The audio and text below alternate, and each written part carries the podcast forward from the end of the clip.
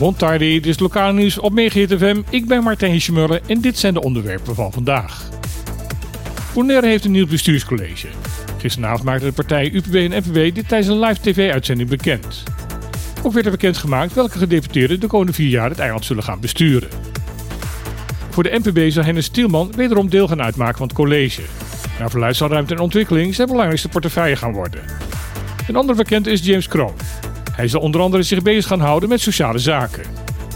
De UPB komt ook met een nieuw gezicht, Jolinde Kranen. Momenteel is ze werkzaam als policy advisor bij het OLB. Zij krijgt onder andere de portefeuille economie onder haar hoede. De website van Crisis Nederland weet te melden dat zij de zogenaamde intentieovereenkomst van de nieuwe coalitie in handen hebben. Daarmee worden zaken genoemd als het inperken van de komst van nieuwe bewoners op Bonaire, minder overlast van toerisme, aanpak van de slechte wegen, een bouwstof voor nieuwe hotels en extra zorg voor dieren en natuur. Ook wil men een vertegenwoordiger voor Bonaire in Den Haag gaan aanstellen. Deze moet dan als een soort lobbyist de belangen van het eiland gaan behartigen. De partijen denken voor Dia Diricon met een verdere uitwerking van de plannen te kunnen komen. Er is op Bonaire een heel groot tekort aan sociale huurwoningen. Dat wisten we al, maar dat wordt nog een keer bevestigd door het jaarverslag over 2022 van de Fundación Casti Boroniano. De stichting spreekt daarbij heel zorg uit dat het door de fors gestegen bouwkosten de afgelopen jaren het vrijwel niet meer mogelijk is om de bouw van sociale huurwoningen rendabel te maken.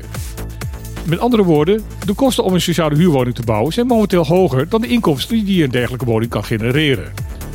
Dus bij het bouwen van sociale huurwoningen zal de overheid de bouw moeten gaan subsidiëren om de financiering van dergelijke woningen mogelijk te maken. Dat er op Bonaire nieuwe huurwoningen gebouwd zullen moeten gaan worden, laat het jaarverslag ook duidelijk zien.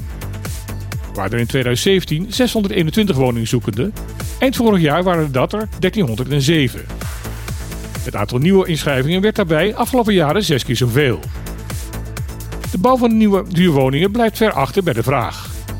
Er zijn momenteel een aantal projecten bezig die eind 2025 in totaal ruim 700 woningen moeten gaan opleveren. De stichting waarschuwt dat er nieuwe projecten moeten worden opgestart om ook in de toekomst aan de steeds stijgende vraag te kunnen voldoen. Een groot aantal ondernemers in Bonaire zijn onaangenaam verrast door flinke naheffing van de Belastingdienst Caribisch Nederland. Dit is te lezen in een artikel van het Antilliaans Dagblad. De dienst is kennelijk bezig met oude dossiers op te schonen, want sommige ondernemers kregen aanslagen over het belastingjaar 2017. De bedragen liegen er daarbij niet om. Vaak moet de ondernemer opeens een bedrag van enkele duizend dollars ophoesten. In sommige gevallen loopt het volgens de betrokkenen zelfs op tot enkele tienduizend dollars. Veel ondernemers vermelden dat het hierbij vaak gaat om aanmaningen, waarbij soms zelfs de deurwaarde op de stoep staat. De betrokken ondernemers melden dat het meestal niet duidelijk is waar de aanslagen op gebaseerd zijn.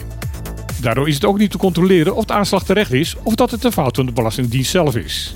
Fouten die de Belastingdienst Caribisch Nederland naar verluid heel veel maakt.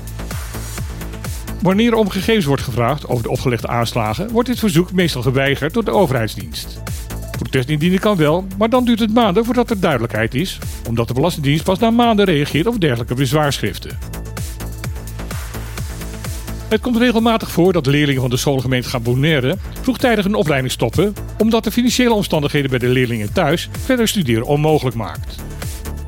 Dit stelt Eerste Kamerlid Paul Rozemuller in het debat afgelopen dinsdag met staatssecretaris Alexander van Huffelen van Koninkrijksrelaties.